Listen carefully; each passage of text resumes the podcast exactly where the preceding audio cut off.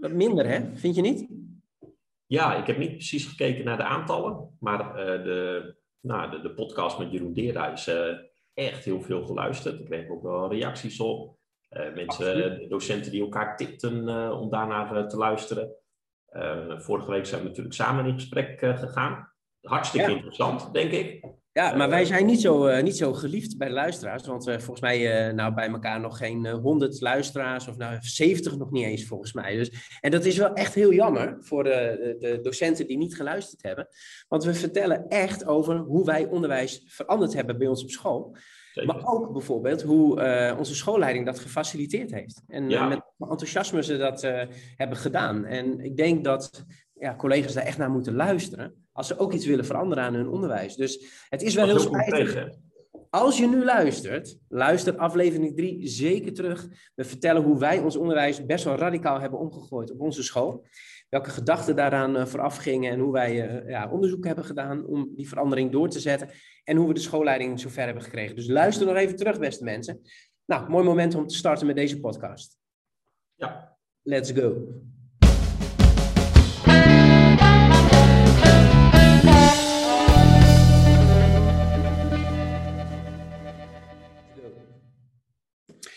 Welkom bij Typisch Nederlands. Mijn naam is Derwent Christmas en ik werk al twintig jaar in het, als leraar uh, Nederlands in het middelbaar onderwijs. Twintig jaar alweer. En uh, in Leeuwarden, een stukje hier vandaan zit Jaco Rijtsma, beginnend docent in de bovenbouw HAVO-VWO. Ik heb zelf heel veel zien veranderen in mijn uh, onderwijstijd, maar ik heb ook gezien dat in de kern toch heel veel hetzelfde blijft. En Chaco komt fris en jong en enthousiast van de lerarenopleiding. En die brengt allerlei nieuwe uh, inzichten het onderwijs binnen. En uh, ja, hij, uh, hij probeert mee te gaan in de flow, maar ook ons mee te nemen in de nieuwe stromingen. Voordat we echt gaan beginnen, even wat shout-outs van de vorige afleveringen, zoals we dat de vorige keer ook hebben gedaan. Maar er waren niet zoveel, want er waren ook heel weinig luisteraars, zoals je net hebt kunnen horen.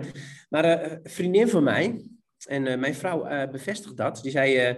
ja, Derwent, je hebt weer iets gevonden waar jij je manicaal op kan storten. Dat was de enige reactie die ik kreeg op de podcast van vorige week. Ja, klopt dat een beetje? Zie jij mij ook zo, Jaco? Nou, ik denk dat, dat die vriendin dat wel goed, goed ziet. Jij, ja, toch wel. Jij kunt je heel goed focussen op, op iets nieuws. En, en daar ga je dan ook vol voor. En ook vooral het woord maniacaal. Dat, ja, dat vind ik wel passend. Het is wel zo, je, als je iets doet, dan wil je het ook meteen helemaal goed doen. Ehm, en, en het resultaat is er ook vaak. Dus ja, wat dat betreft, het, het klopt wel. Ik ben ook heel benieuwd naar wat, er, wat er hierna ook nog weer volgt. Ja, nou ja, we gaan het zien. We gaan eerst deze podcast tot een succes maken. En uh, daar hebben we wel wat meer luisteraars voor nodig. En als je luistert en je denkt van ja, maar er moet ook wel wat veranderen misschien. Of uh, een, een, ander onderwerpje nog. Dan kun je uiteraard reageren op onze podcast. En dat kan via onze pagina op Facebook. Zoek even naar Typisch Nederlands. En dan typisch met IE, twee keer Typisch Nederlands. Um, of heb je een idee voor een geschikte gast? Of wil je graag zelf gast zijn in onze uh, podcast, stuur dan een e-mail naar typischnederlands.gmail.com. En laat dan ook even weten waar en wanneer je luistert. Doe je dat tijdens het koken, wandelen, klussen, schoonmaken? Vinden we leuk om te horen. Geef even een reactie op een van de platforms. We zijn te beluisteren op SoundCloud, Spotify, Apple Music en ook op YouTube. En dan zie je ons ook nog in beeld. Over naar de inhoud van deze week. Ja, de gast zwaait al uh, als je zit te kijken. In deze podcast bestuderen wij het schoolvak Nederlands, maar ook het onderwijssysteem waarin dat vak wordt gegeven uiteraard. En uh, steeds proberen we antwoord te vinden op de vraag, waarom doen we eigenlijk wat we doen? En vandaag is de hoofdvraag, waarom is het curriculum opgebouwd uit losse schoolvakken, terwijl het echte leven dat niet is? En uh, voor het vak Nederlands is dat eigenlijk ook altijd zo. Je bent altijd dingen aan het doen die eigenlijk niet speciaal voor jouw eigen vak zijn, maar meer voor andere dingen. En we gaan op zoek naar antwoord op deze vraag en meer vragen door in gesprek te gaan met de gast van de week, Claire Boonstra. Welkom. Dankjewel. Leuk om er te zijn. Nou, en ook leuk dat je gast wil zijn. Um, we hebben het idee dat jij ons veel te vertellen hebt. En dat je uh, de uh, collega's, de, de mensen die luisteren, ook echt wel een verhaal te brengen hebt. Uh, misschien dat niet iedereen uh, jou nog kent en je bent toch al wel een uh, bekende in onderwijsland. Maar Chaco gaat daar nu verandering in aanbrengen. Die gaat je even kort introduceren, Chaco. ja, er is veel over Claire te zeggen, denk ik. Er is ook wel veel over Claire te vinden. Ehm, wat heel interessant is, dat wij zelf altijd vanuit de nieuwsgierigheid, waarom doen we eigenlijk wat we doen, dat we zo te werk gaan. Dus dan zit je heel erg ja, met die waarom-vraag. Nou, wat dat betreft, uh, is een boek van Claire Boonstra. het onderwijs vragenboek. en dat begint steeds met waarom. dat is hartstikke interessant wat, wat ze hier doet. Dat echt het onderwijs dat we aanbieden ja, dan gaat ze op zoek naar antwoorden. Waarom doen we dit eigenlijk? En waarom is dit zo? Dus dat is zeker een aanrader. En als je op de website kijkt, dan, dan, geeft Claire ook wel aan dat ze veel verschillende rollen in haar leven heeft gehad. Student, ingenieur, bedrijfsmedewerker, wintersportblogger, strategisch marketingmanager, organisator van evenementen, medeoprichter van augmented reality startups, uh, en nu ook een onderwijshervormer en spreker in het openbaar. Je kunt ook veel keynotes uh, van haar tegen op, uh, op YouTube. Die zijn ook zeker de moeite waard. Um, daarnaast is ze ook nog eens moeder van jonge kinderen, dochter, echtgenote, zus, utopistische dromer, vragensteller, visionair, improvisatiedanser, skier, voormalig zweefvlieger en vooral een mens op zoek naar hoe ik uh, de beste balans tussen mijn drie belangrijkste prioriteiten in het leven kan vinden. Gezin, persoonlijk welzijn en de missie om beweging te voeden die een revolutie teweeg brengt in het onderwijs. Nou, dat zijn nogal uh, ambitieuze doelen, Claire. Ja, het is grappig, die staat op mijn persoonlijke website en die probeer ik heel erg te verstoppen. maar via Google kun je hem dus toch terugvinden. Maar uh, deze tekst is al acht, acht, jaar oud en ja. En hij klopt nog steeds? Ja, het klopt wel, maar ik zou het niet meer zo opschrijven, dat ik het zo zeg. Dus het is wel grappig om dat terug te lezen, om te zien wat je toch voor ontwikkeling kunt doormaken in acht jaar tijd. En wat is dan de, de, de ontwikkeling? Wat zou je bijvoorbeeld niet meer noemen? Ja, het is niet dat ik dingen zou weglaten, maar um, ik zou mezelf anders introduceren. Dus dat is grappig, dat, dat ik toen heel erg bezig was, denk ik, met kijk eens wat ik allemaal kan. En kijk eens hoe gaaf ik ben. Kijk eens uh, hoe indrukwekkend. En ja, ik, ik, voel die behoefte echt totaal niet op dit moment. Um, ik denk dat dat heel erg veranderd is. Dat ik um, ja, veel meer het ease kan zijn met uh, zoals het is. En, en, uh, en heel erg kan genieten van de leuke dingen die ik kan doen. En het, nou ja, hoe het leven is. Dus dat is het weer grappig. Ja, en toch vind ik wel, ik weet niet of het waar is hoor, wat mij opviel is dat je heel veel uh, van die, die, die kenmerkende woorden over jou. Utopistisch dromer, vragen stellen, visionair, improvisatie, danser, voormalig zweefvlieger. Dat, ja, het klinkt toch als iemand die zich uh, liever niet laat vertellen hoe het moet en in welke richting je moet volgen. Iemand die juist vrij wil bewegen. Dat klopt wel? Ja, vrije bewegen zeker. En grappig is dat ehm, ik me juist enorm laat beïnvloeden door... Ehm, of in ieder geval laat informeren. Of ik, ik, ja, ik, ik ben de hele tijd bezig voor mijn gevoel met uh, opvangen of scannen of, of, ontvangen wat er allemaal is, wat er, wat er gebeurt in de wereld. En, uh, ja, en, dus, dus, en daar, daar voel ik wel van alles van, oh weet je, ik, ik merk ook gewoon een soort van fysieke reactie als ik ergens heel blij van word of ergens echt heel erg van denk, nou, dit kan niet. Um, en, en ik heb daar wel, uh, ik heb wel een idee van wat ik in ieder geval belangrijk vind. En, en ja, dat wordt gesterkt of, of, of, of um, veranderd. in de loop van tijden ben ik best wel naar dingen heel erg anders gaan kijken. Ik heb enorme mind switches in mijn leven ook al doorgemaakt. Want ik echt heel stellig vond dat iets zo moest zijn. Maar dat dat uiteindelijk, nou, dat ik daar heel anders over ben gaan, gaan denken. Um, dus nee, het is niet per se zo dat het is, want zo is het en zo moet het zijn. Maar als ik wel merk van ja, dit iets is heel erg logisch. Hè, bijvoorbeeld dat, dat het logisch is dat we iets moeten doen met het welzijn van, van een individu, van de samenleving, de planeet. Ja, weet je, daar kan ik gewoon niet meer van afwijken. maar, maar, maar, maar hoe, ja, daar, daar, zijn, daar zijn heel veel verschillende wegen. Daar zijn we nog vooral heel erg veel aan het uitvinden. Dat vind ik heel fascinerend. Ja, en uh, je, je, omschrijf je daar zelf. Is dat een van de woorden die je niet meer zou gebruiken? Visionair? Dat, dat... Nee, nee, dat zou ik niet meer zeggen. Ik word, het wel, ik word wel zo genoemd door veel mensen.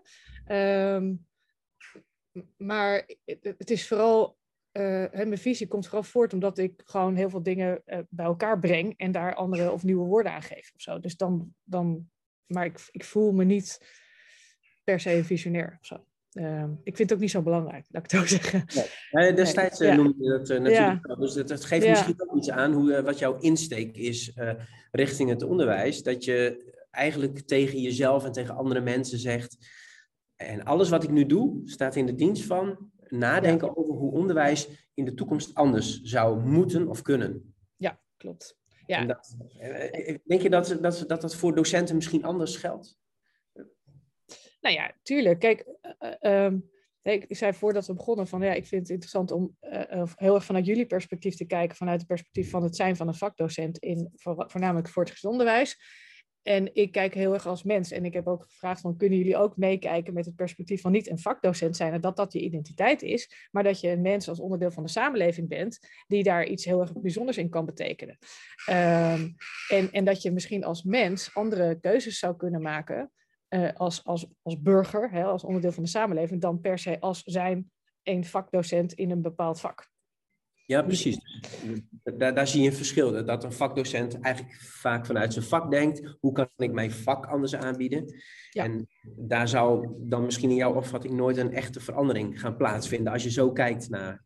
Nee, ook wel. Alleen, eh, eh, kijk, ik, ik, ik heb jullie eerste podcast eh, teruggeluisterd en, en vond ik het heel leuk om dat gesprek te horen. Maar inderdaad, het was heel erg ingestookt vanuit hoe kan, kunnen we vanuit het vak, vanaf hier waar we zijn, dingen anders doen. En ik begin precies vanaf de andere kant. Ik begin vanuit, oké, we hebben een samenleving, we hebben een planeet, we hebben daar individuen en daar is iets nodig. En dat voel ik al heel lang, heel sterk, dat daar iets nodig is. En hoe kunnen we dat veranderen? Ja, en dan, dan zie ik het onderwijs wel als een plek waar we dingen ten goede kunnen gaan veranderen. Maar ik, ik steek dat heel erg holistisch in. eh, heel erg vanuit het geheel kijkend. En dan is een vak een potentieel onderdeel daarvan. Ja, ja nou, we gaan daar eh, uitge- uiteraard eh, veel uitgebreider over spreken. Voordat we helemaal over die inhoud gaan hebben. We proberen af en toe eens een boek te gebruiken als illustratiemateriaal. En eh, voor deze week heb ik een boek gevonden eh, van Lucas Sandberg, De Rendementsdenker. Ken je dat boek?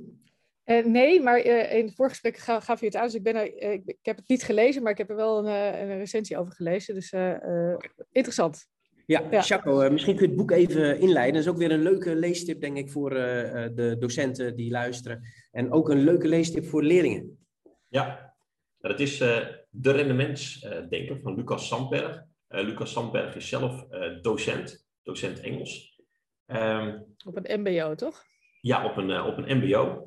En wat hij hier heeft geschreven, dat is wel interessant als je weet dat hij ook docent is en op een MBO, dat hij zo best wel veel meekrijgt. Van binnenuit is het geschreven. Het is een, een satirische roman.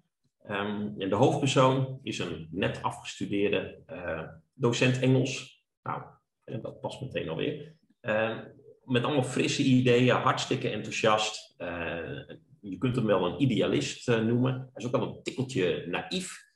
Ehm, en hij, eh, hij start in het onderwijs. Hij heeft allemaal wilde ideeën. We moeten dit op een andere manier aanbieden. Eh, waarom altijd grammatica op de manier zoals we het altijd doen? Dat kan toch anders? En dan stuit hij meteen al op wat, ja, op, wat tegenwerking. Hè? De, collega's die geven dan wel aan van nou, hè, laten we gewoon doen wat we altijd doen. Ehm, eh, dit, zie ik als extra eh, werkdruk, verzwaring, eh, extra taken. Laten we dat nou niet doen. Het is al zo druk. En nou, er is uiteindelijk wel één eh, collega die krijgt hier wel wat mee. Eh, tegelijk met, eh, met de hoofdpersoon Robert eh, start er ook een, eh, een echte manager. Nou, dat is ook wel interessant met wat jij wel eh, noemt, eh, eh, Claire, managers en leidinggevenden. Eh, ja, dit is, ja, is het dan een manager, misschien weer meer een leidinggevende. Het is in ieder geval iemand met erg weinig affiniteit met het onderwijs. Eh, zij ziet docenten als FTE's, eh, dus echt als cijfers. En ehm, ja, eh, zij gaat ook een, een verandering doorvoeren in het onderwijs op, eh, op die ROC. Namelijk dat eh, de leerlingen moeten het zelf allemaal maar uitzoeken eh, op de computer, in een computerprogramma. En de docenten worden gewoon eh, toetsafnemers. Ehm, nou, je voelt al een beetje aankomen. Dat kan nooit helemaal goed gaan. En de, de hoofdpersoon moet echt tegen de stroom in zwemmen.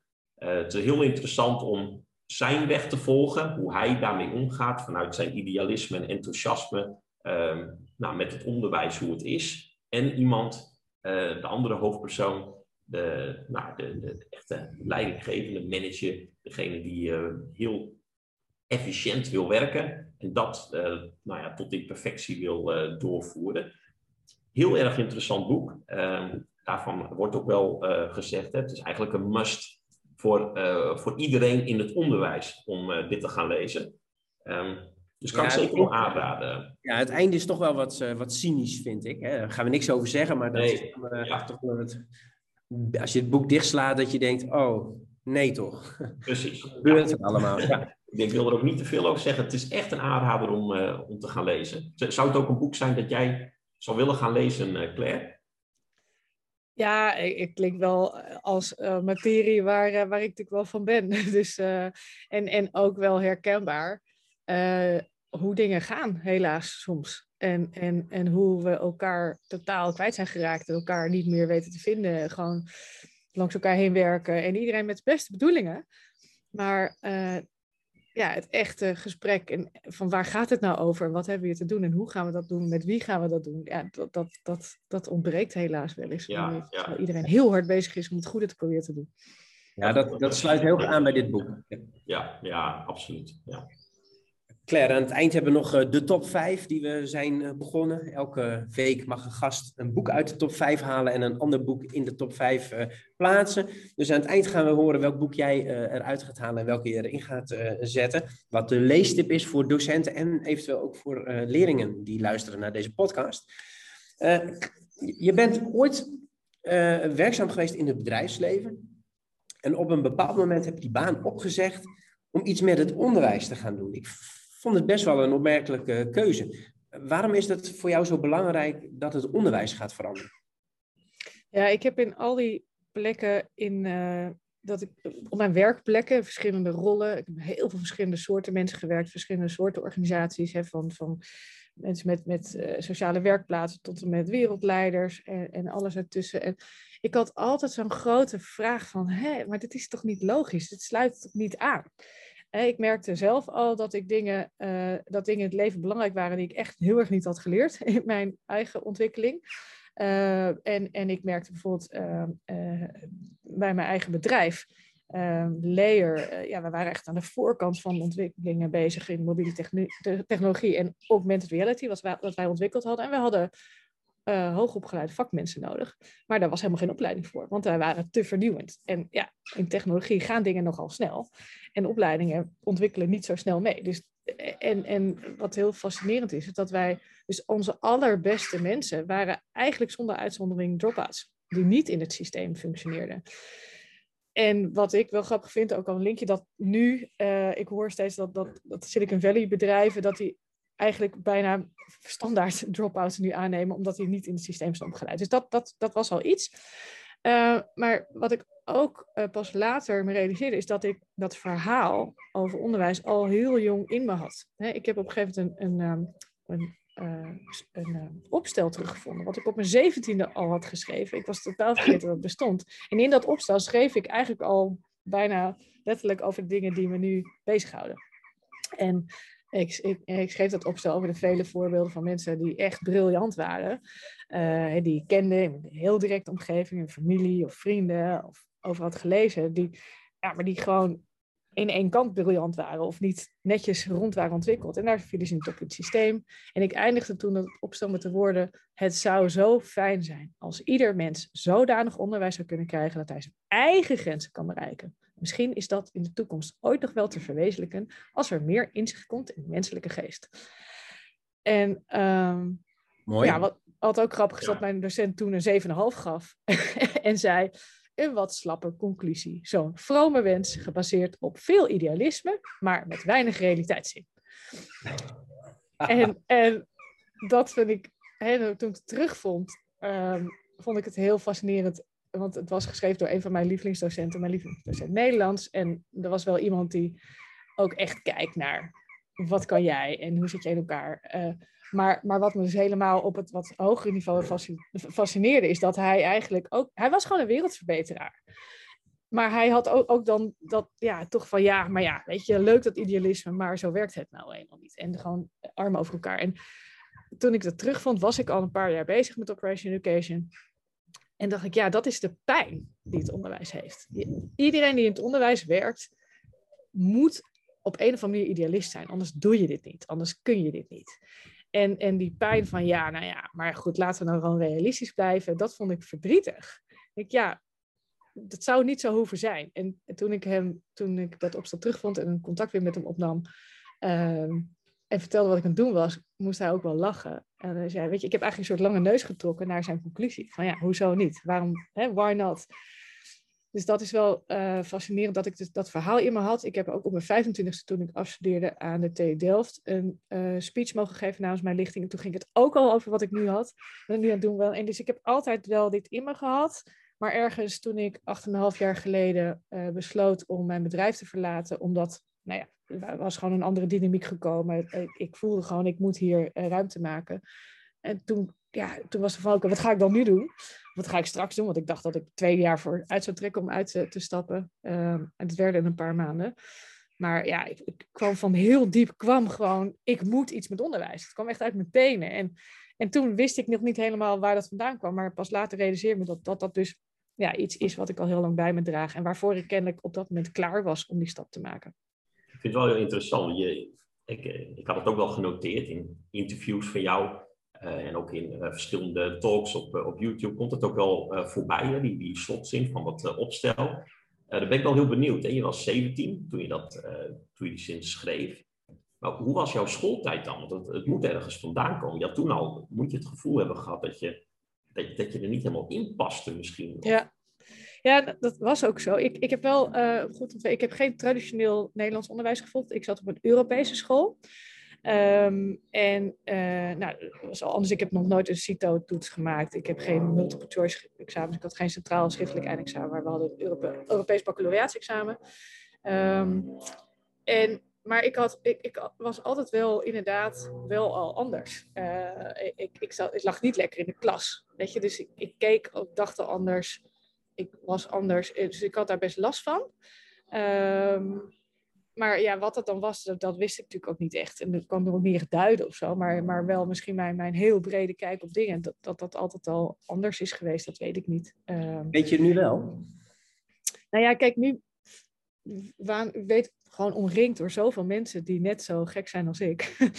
en, en is het dus, ja, ik, ik, ik zwem in een warm bad van mensen die allemaal voelen dat het hè, ergens naartoe moet, dat het beter kan, dat, dat de wereld, hè, uh, uh, dat we dat op een andere manier zouden kunnen benaderen of een, veel fijnere manier. Dus uh, ik voel me nu heel erg niet meer alleen of niet meer gek. Ehm, sterker nog, ik voel me ongelooflijk gesteund en omringd. En, en ik merk ook dat ik heel erg veel mensen kan steunen en omringen die, die ook voelen dat dat we veel meer kunnen doen. Weet je, dus, dus uh, ik voel me zeker niet meer uh, gek. Ik voel me ook niet meer zo onzeker. Maar toen had ik dat zeker wel. En, en... Maar die docent zei ook wel van ja, uh, want ik vroeg ook naar hè, die, die, die conclusie. En hij kon zich dit, dat niet heel herinneren. Maar hij zei wel van ja, ik wist wel dat jij zo'n commentaar aankon. Nou, ik kan me totaal niet herinneren, maar hij keek wel op een manier, hè, echt wel naar, naar individuen kijkt van, van waar sta je is hij dan toch ook ergens een voorbeeld uh, voor jou geweest? Want je noemde wel, eigenlijk was het een wereldverbeteraar, dat zat echt ja. in. En hij had echt oog voor het individu. Dat is ja. ook wel een, een, terugkerend iets in, uh, ja. in jouw verhaal. Ja. Um, maar uh, hij zat een beetje vast eigenlijk in het systeem. Hè? Dat is dan... Ja, wellicht. Ik weet niet of hij het zo gevoeld heeft hoor. Want ik heb hem later ook nog wel een aantal keer gesproken. Ik had hem ook uitgenodigd nog uh, toen ik een, een Comenius lezing mocht geven in de Grote Kerk in Naarden. En weet je, dat was ook heel mooi om hem daarbij te hebben. Dus ik heb hem zeker bewonderd en nog een paar andere docenten die ik ook had uitgenodigd om erbij te zijn, die me echt wat hebben meegegeven. En bijvoorbeeld mijn uh, lerares Nederlands, die ik zowel op de basisschool als in de middelbare school heb gehad. En mijn de muziekdocent die uh, musicals uh, maakte. En ik was op een gegeven moment, uh, mocht ik in een grote musical meedoen. En dat zijn allemaal mensen die me echt in mijn schooltijd heel veel hebben meegegeven. Dus, dus die zijn zeker, ik, ik, ik heb ze heel hoog zitten, die mensen. Dat, dat zeker. En ehm, zijn ze een voorbeeld geweest? Weet ik niet, maar wel, ze hebben me wel dingen meegegeven. Absoluut. Ja. ja ik heb het idee dat als ik zo, ehm, als, als ik jou zo beluister nu, maar ook als ik kijk naar jouw, uh, TED Talks, um, naar het seminar voor VO, uh, VO-raad geloof ik was het. Ik denk, ja, er staat een uh, intelligente, goed verzorgde jonge vrouw te pleiten in het Engels bij TEDx. Gebruik maken van multimedia, verbanden leggend, praten over successen die zijn behaald. Ik denk, ja, aan de inhoudkant is er volgens mij niet zoveel fout gegaan in het middelbaar onderwijs. Je hebt toch heel veel meegekregen. Ik moest wel heel erg denken aan posters die ik uh, zag hangen in, uh, in Nederland een tijd geleden, een paar jaar geleden alweer. Dat was een campagne voor het onderwijs. En uh, Ronald Gippard staat erop met de tekst. En wie heeft Ronald Gippard leren schrijven? Zo van, ja. ja dat, ja. dat is wat het onderwijs je, je kan brengen. Dat je ja. de mensen verder helpt.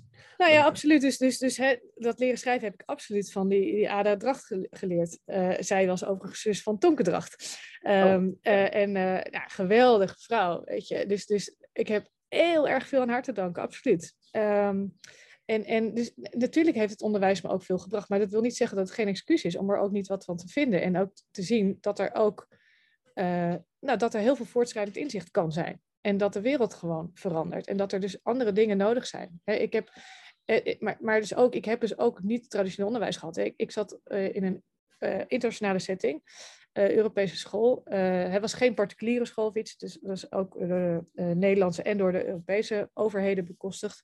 En mijn vader werkte bij een Europese instelling op de, de rekenkamer van het ECN, Energieonderzoekcentrum Nederland. Maar, hij, maar in ieder geval, die, die school uh, uh, is ik, ik was op die school al heel gewoon om. Uh, we hadden vijf verschillende afdelingen. Ik zat in de Nederlandse afdeling, maar we, we, waren altijd samen. Dus ik vond het heel normaal om in een, in een pauze vijf verschillende talen in één zin te gebruiken. En ik heb vanaf heel jonge leeftijd Frans geleerd van alleen maar uh, Françaises of Fransmannen. Dus ik sprak aan het eind van mijn middelbare school volledig vloeiend Frans. Ik heb nog nooit een tekst of een woord hoeven te vertalen. Dus ik heb geleerd om te switchen. En uh, uh, ja, gewoon heel erg internationale blik. En ik heb uh, leren programmeren op school. We hebben het over jaren 80 en begin jaren 90. Ehm, ik heb, weet je, verdieping wiskunde. Ik had filosofie standaard in mijn pakket. Weet je, dus dat zijn allemaal dingen die, die het al niet traditioneel maakt. En zoals gezegd, ik heb nog nooit een multiple choice examen hoeven maken op school. Het was allemaal, weet je meer ja, reflectie en dat soort dingen. Uh, dus, dus, dus dat was wel anders, maar dat was nog steeds een hartstikke traditionele school in de zin van vakken en vakdocenten en lessen. En, uh, en wat voor mij extra lastig was, dat ik vanaf heel jonge leeftijd tot en met eindexamen middelbare school in dezelfde klas zat. Nou, als je dan eenmaal niet lekker ligt, was dat uh, heftig. En dat is natuurlijk niet op elke school zo. Dan heb je echt een moment om een nieuwe start te kunnen maken. Maar, maar ja, weet je, er waren ook heel veel lessen echt verschrikkelijk saai. En, en uh, weet je, het ging helemaal niet over mijn interesse. En toen ik bijvoorbeeld jullie gesprekken hoorde over de leeslijst, denk ik, ja, jeetje, weet je, ik ben echt mijn liefde voor lezen totaal kwijtgeraakt op de middelbare school. Echt. En ik, het, het, is jaren geleden. Weet je, het, is, het heeft heel lang geduurd voordat ik liefde voor het lezen weer heb teruggevonden. En ik dacht wel van ja, als ik in die tijd de boeken had mogen lezen die ik nu lees, dan was het heel anders gelopen. Weet je, dan, dan dus ja, waren toen ook al dingen um, ja, waarvan ik achteraf echt al last had. Dat ik denk, ah, waarom had het nou niet al toen zo kunnen zijn dat ik bepaalde dingen had kunnen leren over het leven? Ja, en je, bedoel je dan uh, bijvoorbeeld dat je zegt, ik vind het wel belangrijk dat ik uh, bepaalde vaardigheden opdoe, dat ik leer om een boek te begrijpen, maar laat me dan alsjeblieft dat doen met dat wat bij mij past. Ja, kijk, uh, ik heb hier een paar boeken neergelegd die mij bijvoorbeeld enorm inspireren. En straks voor die lezers iets. Maar ik noem even een boek als Sapiens. Hè? Er waren toen ook al het boek Sapiens is net natuurlijk pas geschreven, maar in die tijd had je ook al dat soort boeken. Als iemand me had dit soort boeken had gegeven in plaats van Bezonken Rood, hè, van een van je andere uh, uh, bijdragers in de podcast, heel wel gek was. Nou, ik vond dat echt verschrikkelijk. Ik, het, maar, het was zo depressief. En ik was gewoon een heel, ja, weet je, ik, ik kon helemaal niks met al die depressieve literatuur. En dat maakte mij dus ook heel verdrietig. En uh, ik, ja, weet je, als iemand toen had gekeken naar, goh, waar ben je van? En me bijvoorbeeld dit soort boeken had laten toegang had gegeven, dan was daar misschien een, begrip en een wereldbeeld opengegaan van, oh, meer mensen die op die manier naar de wereld kijken. Uh, als, als een voorbeeld. En, dat, en, dat, is vanuit mijn persoonlijke perspectief. Um, maar ook als ik gewoon uitzoom en kijk naar het schoolsysteem en zeg, ja, Johannes Visser heeft daar uh, deze week een heel mooi artikel over geschreven van het, het bevestigende van de gegoede klasse. Ik, ik zat op een school die eigenlijk alleen maar uh, tot een Europees baccalaureaatsexamen uitstroomt. En dat was wel een soort van HAVO-niveau-achtig kon je doen, maar het was in principe hoge uitstroom. Hoog. Hè? En, en um, hoe we, hoe we die, die, die gigantische splitsing in de samenleving creëren door op een bepaald moment te zeggen, jij hoort bij de onderste 50%, jij hoort bij de top 20% en je zit in dat vak. En weet je en vanaf jonge leeftijd mensen kunnen zeggen, je zit onder het gemiddelde, je bent niet goed genoeg. En dat, wat dat doet met iemands zelfvertrouwen. En ja, ik vind dat zo verschrikkelijk. Weet je, en dat zijn ook allemaal dingen waar we zeggen, ja, we moeten het met elkaar over hebben. En het zijn vooral die systeemvraagstukken waar, die mij echt heel erg fascineren. En daar hoort natuurlijk ook een beetje dingetjes bij als leeslijst en zo. Maar dat vind ik al meer um, op het detailniveau. Zonder het te bagatelliseren of iets. Weet je, dat, dat, meer, dat, gaat, dat is aan jullie als docenten om daar uh, uh, op jullie manier invulling aan te vinden. Maar ik, ik, wil, ik kijk heel erg graag naar wat we als op, op het hoogste, het, meest abstracte niveau bijna doen met het gehele systeem. En het systeem bestaat uit wet en regelgeving, maar ook wat wij normaal vinden. Dat we als ouders uh, de kinderen zo hoog mogelijk willen laten uitstromen. En kon er maar zo hoog mogelijk. En als jij toch een VWO-niveau denker bent, maar iets met je handen wil doen, dan zeggen we tegen je, je vergooit je talenten als je nu iets met je handen gaat doen. Weet je, dat, dat is ook het systeem. Ja. Nou, wat, wat dat betreft, je, je pleit best wel voor een, uh, nou, voor, voor een grote verandering hè, in, het, uh, in het onderwijs. Um, als je dan kijkt naar wat, wat verandering eigenlijk is en uh, hoe je tot verandering komt, dan heeft nou ja, een, een Amerikaan, Kotter, die heeft al in 1996, ook al best wel een tijdje terug, heeft hij het nou, acht fases beschreven, acht stappen die echt nodig zijn om tot verandering te komen. En de, de eerste stap echt een essentiële stap is het, het creëren van urgentie, van, van het inzien van het belang. Um, wie, wie, zou echt die urgentie moeten zien, wat jou betreft? Want ook in, in de keynote van jou hè, spreek je ook wel over, over gewoonte. We doen dingen omdat we het nou eenmaal doen. het gaat altijd over de ander. Maar ja, wat je daar ook wel zegt is, voor de ander ben jij de ander.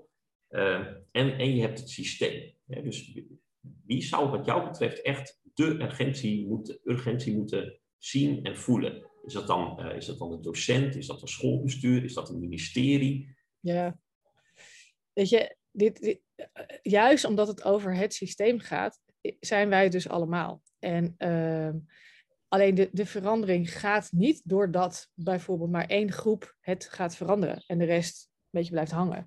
Ik zie de verandering vooral plaatsvinden op uh, eerste instantie een soort eilandjes of plekken. Hè, bijvoorbeeld jullie, die in je eigen omgeving het verschil maken zijn. En daardoor een soort ripple effect, sneeuwbaleffect creëren, waardoor je andere mensen aansteekt. En dan andere mensen zeggen, oh, wat interessant. En je maakt er een podcast over. En daar heb ik ook een filmpje van je gezien waar je dochter Evelien iets zegt over uh, drogredeneren. Zo denk ik, nou, is toch geniaal. Weet je, jij creëert een, een exponentieel effect. En ik geloof heel erg in exponentiële effecten van individuen. De, de vlinders die, die wervelstormen kunnen veroorzaken. Um, en, en hoe ik of wij het met Operation Education eigenlijk aanpakken, is dat wij de mensen die dit heel erg in zich voelen, dat we die. Um, even een stapje terug. Toen ik mijn TED ook had gedaan, ik stond in tranen op het podium. Ik zei: I have to do this. Ik ga Leo verlaten. Uh, wat ik precies ga doen, weet ik nog niet. Uh, uh, ik wil wel iets van een education development ecosystem eh, creëren, want ik weet dat er al wel heel veel mensen zijn en let's join forces. En ik ben niet meer klaar met allemaal titels enzovoort. This is it, just me. En toen kreeg ik dus echt duizenden reacties van mensen die geraakt waren. Dat, tot op de dag vandaag krijg ik dat soort reacties. En dat zijn bijna allemaal mensen die aan de ene kant zeggen, oh, eindelijk iemand die hetzelfde denkt als ik. Ik dacht echt dat ik de enige gek was, alleen roep in de woestijn. Zoveel mensen die dit voelen, maar denken, oké, ik hou me gedijst. Ik hou mijn mond, ik heb een pleister op mijn mond, ik zeg het niet, want hier hebben we het kennelijk niet over. En die houden zichzelf. En, en als we dan die herkenning en dus erkenning horen, nou dan raakt dat soms iets heel heftigs aan. Maar wat ik dus zo fascinerend en verdrietig vind, is dat er zoveel mensen zijn die het voelen en zich de enige gek voelen. Wat zou er gebeuren als die mensen bij elkaar brengen? Als ze dus voelen, ik ben niet gek. En aan de andere kant heb je de mensen die dit al al gewoon aan het doen zijn en denken, waar is de rest, weet je? Of, of um, hè, hun school heel erg hebben, hebben veranderd, maar ook nog zeggen, ja, het is zo heftig om zo te zeggen, ik hou het maar een beetje stil, want ik wil niet al die mediastormen over me heen. En ook een beetje bij eilandje aan het opereren zijn. Nou, en wat, wat ik heel erg zie als mijn change-theorie, is die mensen met elkaar in verbinding brengen. En, en dat dan gewoon bij elkaar. En gewoon al die mensen die dit heel normaal vinden. Ja, natuurlijk vinden we het belangrijk dat we kijken naar wat voor mens heb ik hier. en dat we de dingen doen die dat mens belangrijk vindt. Die persoon, dat kind. Uh, en dat we dan gaan kijken hoe, hoe verhoudt zich dat tot de wereld. En hoe verhoud jij je tot de wereld. Weet je, dus dat. dat, dat. Uh, en, dat is een beetje uh, hoe wij het aanpakken. Want je kunt. Um, dus dat is, dat is de mini-beweging. Dat is wat, wat, uh, uh, wat meer radicale beweging laten ontstaan binnen bestaande omgevingen. En daarmee eigenlijk steeds meer mensen laten aansluiten. En, maar je kunt het ook doen door bijvoorbeeld, een, het gebeurt ook wel eens dat een, een, een geweldige bestuurder heel gaat voorleven en daarmee een complete stichting weet in, in acht, negen jaar tijd weet mee te bewegen. Door gewoon heel veel ruimte te creëren. En ja, dan is het niet per se urgentie creëren, maar heel veel ruimte creëren. En, en, maar, maar de urgentietheorie klopt ook nog wel heel erg. En die is wel, die hebben, hebben we vorig jaar natuurlijk in volle actie gezien. Toen half maart 2020 alle scholen dicht moesten. Ja. ja, weet je. En toen was er geen protocol, geen wet, geen regelgeving, niks. Helemaal niks. Was gewoon alleen maar, oké, en nu? En toen ging iedereen in één keer aan de slag. Met iets. En toen is er natuurlijk in twee dagen tijd uh, uh, iets gebeurd waar, waar, waar uh, ICT uh, afdeling maar van droomde qua digitalisering van het onderwijs enzovoort. Dus in één keer was er urgentie en toen is er heel erg veel gebeurd. En in één keer was iedereen ook wel een beetje van het padje, want ja, uh, onderwijs was toch lesgeven in een klaslokaal. En in één keer was het niet meer lesgeven in een klaslokaal. Oké, wat moeten we nu? En ja, en toen is er ook heel veel ontstaan. En we moesten een heel jaar lang nadenken over, maar wat is eigenlijk echt belangrijk? Wat vinden wij cruciaal in het onderwijs? Oeh, dat was best even pijnlijk. Maar we zijn maar gewoon doorgegaan met gewoon hoe ze deden. Maar dan wat verkortere lesroosters en hey, het VO. Maar, maar tegelijkertijd was het best wel een existentiële vraag. Is het er nog steeds een existentiële vraag? Wat is onderwijs? En, en toen bleek dat als je de relatie uit het onderwijs haalt, dan, uh, ja, dan heb je eigenlijk geen onderwijs meer. Dus onderwijs blijkt niet te gaan over kennisoverdracht. Alleen. Nee, want die is natuurlijk wel doorgegaan. Ik, gisteravond keek ik nog naar uh, een, seminar en daar had je het over de bedoeling van onderwijs. Hè? Want je, eigenlijk heb je het daar nu ook over. Hè? Wat is eigenlijk de bedoeling van onderwijs? Misschien kun je dat voor de mensen die de talk niet hebben gezien even kort toelichten. Ja, ja, en ook vooral over het niet hebben van de bedoeling van onderwijs. Wat uh, Karen Heij, die, heeft, uh, die is toetsexpert, die heeft een heel mooi proefschrift geschreven over onze toetscultuur in Nederland en over de eindtoets. En uh, zij, haar, haar proefschrift nog veel dieper gaan dan wij met onderwijsvragenboeken gedaan. Dat is enorm aanrader naast ons boek natuurlijk. Maar, en, en zij toonde ook al aan, wat wij ook al constateerden, dat we eigenlijk uh, de bedoeling van onderwijs niet helder hebben geformuleerd. Want we hebben een hele heftige schoolstrijd gehad. Uh, waarbij we hebben afgesproken met elkaar dat we vooral niet aan de religieuze, ideologische dingen komen. Dus daar, daar hebben we niet over, is veel te ingewikkeld. Dus we hebben in ieder geval, laten we in ieder geval de dingen doen waarvoor we in ieder geval overeenstemming hebben, namelijk taal en rekenen. En, uh, nou, en, en, dan, en dan datgene wat we dan heel erg objectief kunnen meten. Dus dan gaan we zo gecomputeriseerd mogelijk uh, gaan we toetsen. En dat, dat zijn we belangrijk gaan vinden. Dat, want dat konden we in ieder geval meten. En daar, op basis daarvan konden we controle uitoefenen. Dus dat is een beetje het systeem geworden. Maar we hebben heel nadrukkelijk het gesprek over de bedoeling van onderwijs vermeden. En dat is wat er nog steeds gebeurt op het politieke niveau. Uh, we hebben wel eens begrepen toen we daar een beetje achter begonnen te komen van het lijkt wel alsof het antwoord niet weet op de bedoeling. Hoe kan dat?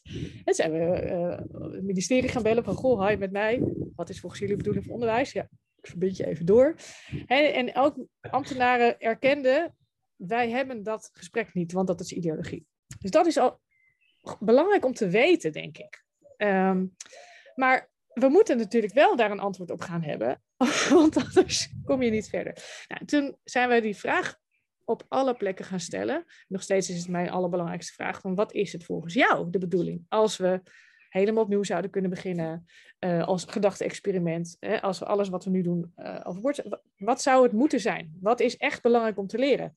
Als we steeds langer leven in de wereld van vandaag, als je een goede voorouder wil zijn enzovoort. Nou, en dan komen mensen, heel interessant genoeg, tot best wel dezelfde antwoorden als je maar een beetje doorvraagt. Soms zeggen mensen klaarstomen voor de samenleving. Dan zeg oké, maar klaarstomen, hoe zie ik dat voor me? Heb je een snelkookpan en ga je en wat is dat dan? Oh ja, nee, ja, nee, ik bedoel eigenlijk dat je leert uh, hoe je je moet verhouden tot de samenleving. Aha, interessant. En, uh, en, en, en wat als dat lukt? Wat, krijgt, wat wordt de samenleving daar dan van? Ja, dan wordt die toch wel prettiger. Aha, dus, dat, dus nou, hè, probeer door te vragen tot het niveau dat je zegt van oké, dit is belangrijk. En als mensen zeggen, nou, gewoon de basisvaardigheden. Wat zijn dan basisvaardigheden? Nou, uh, gewoon talen rekenen. Oké, waarom is talen rekenen zo belangrijk? Nou, we moeten elkaar toch kunnen verstaan. Aha, zodat we elkaar kunnen verstaan. Dus dat bedoel ik een beetje met doorvragen, doorvragen, doorvragen. En als je dan kijkt wat mensen uiteindelijk dan zeggen, dan zijn we het heel erg met elkaar eens. Dan zeggen mensen altijd dingen als: uh, Het is belangrijk om te leren ontdekken wie je bent, waar je voor staat, waar je naartoe wilt leven. Oftewel je eigen unieke en volledige potentieel leren ontketenen. In de tweede plaats, om samen het leven te leren en om samen te leren leven. En de derde plaats, om verantwoordelijkheid te leren nemen. Sommige mensen om het eigenaarschap leren nemen over je eigen leven, maar ook verantwoordelijkheid nemen voor de samenleving waarnaar we samen streven. En wat is dat dan? Nou, vredig, gelukkig, gezond, duurzaam.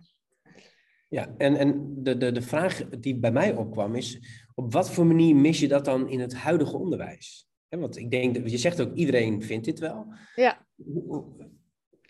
Nou, als je ziet wat het effect is van het huidige onderwijs, niet per se de bedoeling, maar wel het effect van het uh, bijvoorbeeld op een rijtje plaatsen van de leerlingen. Zeggen, jij bent hoger, jij bent lager. Het heeft een vrij desastreus effect op bijvoorbeeld je zelfbeeld. En het feit dat we tegen iedereen zeggen, uh, jullie moeten allemaal ditzelfde leren, want daar hebben we goed over nagedacht. Ja, daar doe je ook uh, tekort wat er in een mens kan zitten. En door te zeggen, je, hè, je moet op dit moment dit allemaal leren, dan, ja, dan, dan ben je niet bezig met hoe, hoe zit jij in elkaar? Wat zou jij op jouw eigen manier kunnen bijdragen aan de samenleving? dus het hanteren van gemiddeldes, van die standaarden, daar reduceer je mensen tot allemaal. Nou, als je in ieder geval dit hebt geleerd, dan ben je oké bevonden. Terwijl, ja, is dat zo? Ben je pas oké als jij datgene waar we met elkaar over hebben nagedacht, als je dat beheerst? Ja, en het, ik zie ook altijd een beetje het verschil tussen cognitief leren, hè, dat wat je leert om een soort algemene kennis te krijgen, om je referentiekader enorm te vergroten. En je hebt ook het pragmatische leren, het, het leren tijdens het leven. En daar moest ik ook even aan denken toen ik, uh, toen ik de talk van jou terugzag, waarin je zegt van nou, ik wil onderwijs gaan veranderen. En want ik heb nu acht jaar in het bedrijfsleven gewerkt, geloof ik, zoiets. En ik kijk dan terug en ik, hey, dat, is dat ook gewoon een stukje pragmatisch leren, dat bij iedereen plaatsvindt. Dat je nadat je die hele basis hebt opgedaan op de middelbare school, dat je daarna tijd krijgt om wie, na te denken over de vraag: wie ben ik eigenlijk en wat vind ik belangrijk voor mezelf? Nou ja, dat, dat, hè, dat is hoe je het ziet. Als je zegt, oké, we leren eerst de pragmatische basis of de kennisbasis en dan. Maar het, wat ik dus fascinerend vind, is dat als je kijkt naar hoe het met mensen gaat, uh, nou, dat, dat, dat menig uh, scholier totaal bezwijkt onder prestatiedruk. Uh, dus helemaal niet heeft geleerd om goed voor zichzelf te zorgen, goed voor elkaar te zorgen, begrijpen, weet je wel, hoe je dat doet, wat dat betekent, hoe we moeten liefhebben. Uh, weet je, hoe, dat zijn allemaal van die. Wat, is de basis? Weet je, is de basis leren uh, hoe een, een, een, een vergelijking werkt? Of is de basis leren hoe, hoe een mens uh, gezond kan leven en, en, en tot bloei kan komen. En wat de, wat de randvoorwaarden voor leren en ontwikkelen zijn. Of voor liefhebben of voor samenleven. Of, snap je? Dus ik vind het interessant om het gesprek te hebben. Wat zien wij als de basis? En is die basis voor iedereen hetzelfde? Ja, ik heb wel eens een paar avonden gegoogeld op de vraag: wat heb je gemist tijdens je middelbare schooltijd? En dan krijg je eigenlijk vanuit heel de wereld hetzelfde type antwoord. Bijvoorbeeld, hoe, waarom heb ik niet geleerd hoe ik mijn uh, ja, kasboekje, ouderwets woord natuurlijk, om mijn uh, boekhouding thuis op orde te houden? Hoe voorkom ik dat ik in de schulden terechtkom? Waarom is mij niet geleerd hoe ik relaties aanga en hoe ik een relatie goed hou? Waarom is mij niet geleerd hoe je contact legt? Want dat vind ik zo moeilijk als ik op kamers ga. allemaal dat soort vragen. En niemand heeft het over waarom is mij niet geleerd hoe ik de diameter van de cirkel bereken. Ja. Nou, dat, dat bedoel ik een beetje. Dus, dus uh, ik ken ook die lijstjes. En, en ik denk dat ongeveer iedereen wel, inderdaad, als je dit vraagt, dit, soort antwoorden zou geven. Dus van mij gaat het over het leven leren en samen leren leven. Weet je, hoe werkt dat met elkaar? En op school hebben we het juist zo ingericht dat je leert niet samen te, te werken. Want dat mag niet, want het is speakers afkijken. Het, het gaat om jouw prestaties ten opzichte van de ander. En wat we moeten je op dat rijtje kunnen zetten, dat jij hoger bent dan die. En die jij bent lager dan die. Want wij moeten jou in dat vakje zetten en jou in dat vakje zetten. Dat is zo, dat druist zo in tegen... Uh, weet je, wat we inmiddels weten, hoe, hoe de samenleving prettiger kan zijn voor iedereen. En hoe mensen zich fijner kunnen voelen. Ehm, en, en, en ja, wat we van het leven weten. En weet je, als mensen ook bijvoorbeeld een brief aan een jongere zelf schrijven, dan gaat het bijna altijd over, joh, leer dat jij oké bent. Terwijl op school leer je vaak, jij bent niet oké, maar je sturen je naar buiten. Je, je, je, je, je voldoet niet aan of je, je, we gaan je diagnosticeren. Je, je, hebt, je, bent niet, je bent niet in orde. Je bent een failure. Je, bent een, hè, je, bent een, je hebt een disorder of zo. Het is zo, ja, ik vind het zo verdrietig dat we dat doen. Volgens mij is, uh, als ik jou zo hoor, de oplossing uh, vrij simpel. Want de vraag van Jacques was net, hè, wie moet eigenlijk beginnen met veranderen? volgens mij is dat gewoon de minister die zegt: we stoppen met eindexamens en met een uh, eindtoets op de middelbare basisschool. Want iedereen leidt op naar dat examen. Naar dat, en dat, dat slaat de rest bijna plat of dood. Ja, ja. Moet je zeggen. ja, alleen de minister gaat dat niet zelf beslissen als hij niet weet dat hij daar een Kamermeerderheid voor krijgt. En wie gaat ervoor zorgen dat de Kamermeerderheid komt voor het afschaffen van?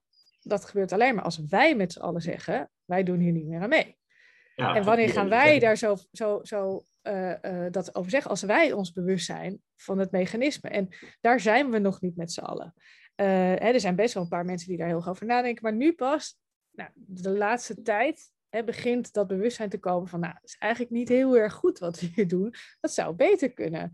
En we zouden meer recht kunnen doen aan. Maar, maar ja, maar wat is dan het alternatief? En, en, om even naar ons... Ja, ja, want dat, dat is uh, interessant um, om daarna te kijken, want we hebben natuurlijk allerlei uh, vakdocenten in Nederland, zo noemen we dat ook. Je bent een vakdocent, geeft economie of Nederlands of uh, wiskunde. Is het afschaffen, afschaffen van schoolvakken wat jou betreft ook een, een, een belangrijke verandering? Nou ja, kijk, niet per se op systeem. Kijk, volgens mij zegt het systeem niet per se dat je vakken moet hebben, wel dat we het eindexamen in aantal vakken hebben. Dus daarmee heb je de facto gezegd dat er vakken moeten zijn. Maar er zijn natuurlijk genoeg scholen die al heel anders omgaan met vakken. En uh, nou, bijvoorbeeld Agora als een voorbeeld. Hè, is een van de bekendste voorbeelden natuurlijk in het ja. voortgezet onderwijs. Waarbij ze hebben gezegd, wij, wij doen helemaal niks aan vakken. Wij doen niet aan niveaus van kinderen. Uh, we hebben geen lesroosters. Uh, wij leren vanuit wie ben ik, wat kan ik en wat wil ik? En, en, en daar zijn we de hele dag mee bezig om datgene te leren wat daarbij aansluit. Uh, bij mijn interesse, bij waar ik naartoe wil, waar, hoe ik van waarde wil zijn, wat, ik, wat me fascineert. En op die manier werk ik toe naar mijn volgende stap. En via het eindexamen. En, en daar is geen vak te bekennen. Er zijn wel, uh, er zijn wel lessen van vakdocenten, maar die zijn totaal facultatief. En die vakdocenten krijgen de opdracht mee. één, maak ze gek voor je vak. Twee, zorg dat ze terug willen komen. Want je hoeft niet, hè? En drie, zorg dat ze slagen. Ja, want dat, ik ben zelf in uh, Roermond geweest om te kijken bij uh, Agora. En uh, dat was precies in het jaar dat ze voor het eerst leerlingen in een lokaal stopten. Allemaal in een bankje met een vakdocenten voor. Die een jaar lang bezig was om de stof van vijf jaar er doorheen te rammen. Want de minister had gezegd, ja, je moet toch meedoen met het examen. Je krijgt geen dispensatie daarvoor.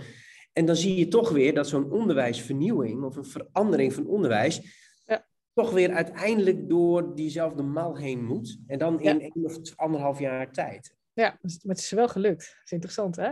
En, en dat was het eerste jaar. En ze zijn natuurlijk continu aan het uitvinden hoe dit beter kan. En, uh, en inmiddels doen ze de hele uh, ja, ontwikkeling richting eindexamen veel meer al geheel Agoriaans. Alleen toen was het echt van oké, we moeten dit echt doen. Dus maar even terug naar. Maar, maar het is nog steeds facultatief. En je beslist nog steeds waar je naartoe wil. En je bent heel erg bezig met oké, waarom haal ik dit eindexamen? Waarom ga ik voor dit eindexamen? Omdat ik bezig ben met mijn volgende stap. Ofwel ik ondernemer worden, of ik wil die mbo-opleiding, of uh, universiteit, of wat dan ook. En het fascinerende is, is dat ze dus heel erg veel meer uh, hun eindexamen in dienst stellen van daarna. Terwijl nu is het, oké, haal het eindexamen en dan, oh, wat ga ik doen? Nou ja, ik doe maar rechten of zo. Met als gevolg dat minimaal een derde, als het niet twee derde is, uitvalt. Hele hoge kosten voor de samenleving. en, en Agora is nu ook een onderzoek aan het doen naar uh, uh, de vraag of Agorianen minder dan anderen uitvallen in het vervolgonderwijs. Ja, want dat vond ik ook heel interessant, inderdaad. Dat zij in jaar drie, geloof ik, tegen de leerling zeggen: wat wil je straks gaan doen? In welk, op welk niveau wil je examen gaan doen? Ja. en waarom? En zo'n leerling weet eigenlijk examen, die de ja, oké, ik moet een, een, een niveau gaan kiezen. En het eerste wat hij gaat doen is zich verdiepen in wat is eigenlijk MAVO, wat is MBO, wat is HBO, wat is HAVO, VWO. Ja. Daarna denkt, ik denk dat ik dat kan. En dat, die gaat zijn eigen determinatie doen. En dat vond ik fascinerend om te zien. Nou, dat. En, en vooral ik wil, ik denk dat ik kan. In plaats van, nou, weet je wel, jij hoort gewoon op dat niveau thuis. Hè? Wij, wij weten het beter. Wij gaan jou behoeden voor falen doe nou maar gewoon niet zo gek, want dan, weet je, dat is natuurlijk veel, veel kinderen te horen krijgen. Met de beste bedoelingen, hè? Ja. Uh, uh, maar, maar ja, Agora laat ze hun eigen uh, grenzen tegenkomen. en, en ook, kijk, de keren dat een leerling niet geslaagd was voor Agora, werd door de buitenwereld gezien als, zie je wel, failure. Maar zij zeggen, ja, maar deze leerling heeft het wel geprobeerd een jaar eerder dan die er eigenlijk aan toe was. Dan dat de buitenwereld zou hebben gezegd, doe maar. Zij zeggen, ga er maar voor. Probeer het maar toen net niet gehaald. zeggen wij weten 100% zeker dat hij het volgend jaar helemaal zou halen. Terwijl in andere reguliere scholen zouden die kinderen zijn afgestroomd en, en, en weggezet zijn. Van ja, zie nou wel, want jij bent niet goed voor ons percentage. Ja, het, het sluit wel een beetje aan bij een vraag die ik ook had geformuleerd. Hè, bij verandering. Dat um, um, soms geef je een opdracht die te lastig is. En dat, dat had deze leerling dan ook. Hè. Die, die gaat een jaar eerder examen doen.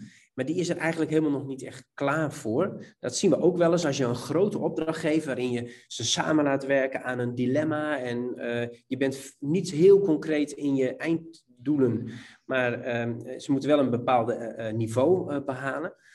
Dan merk je soms gaandeweg dat ze vaardigheden en kennis niet hebben, waardoor ze die opdracht eigenlijk helemaal niet goed kunnen doen. Ja.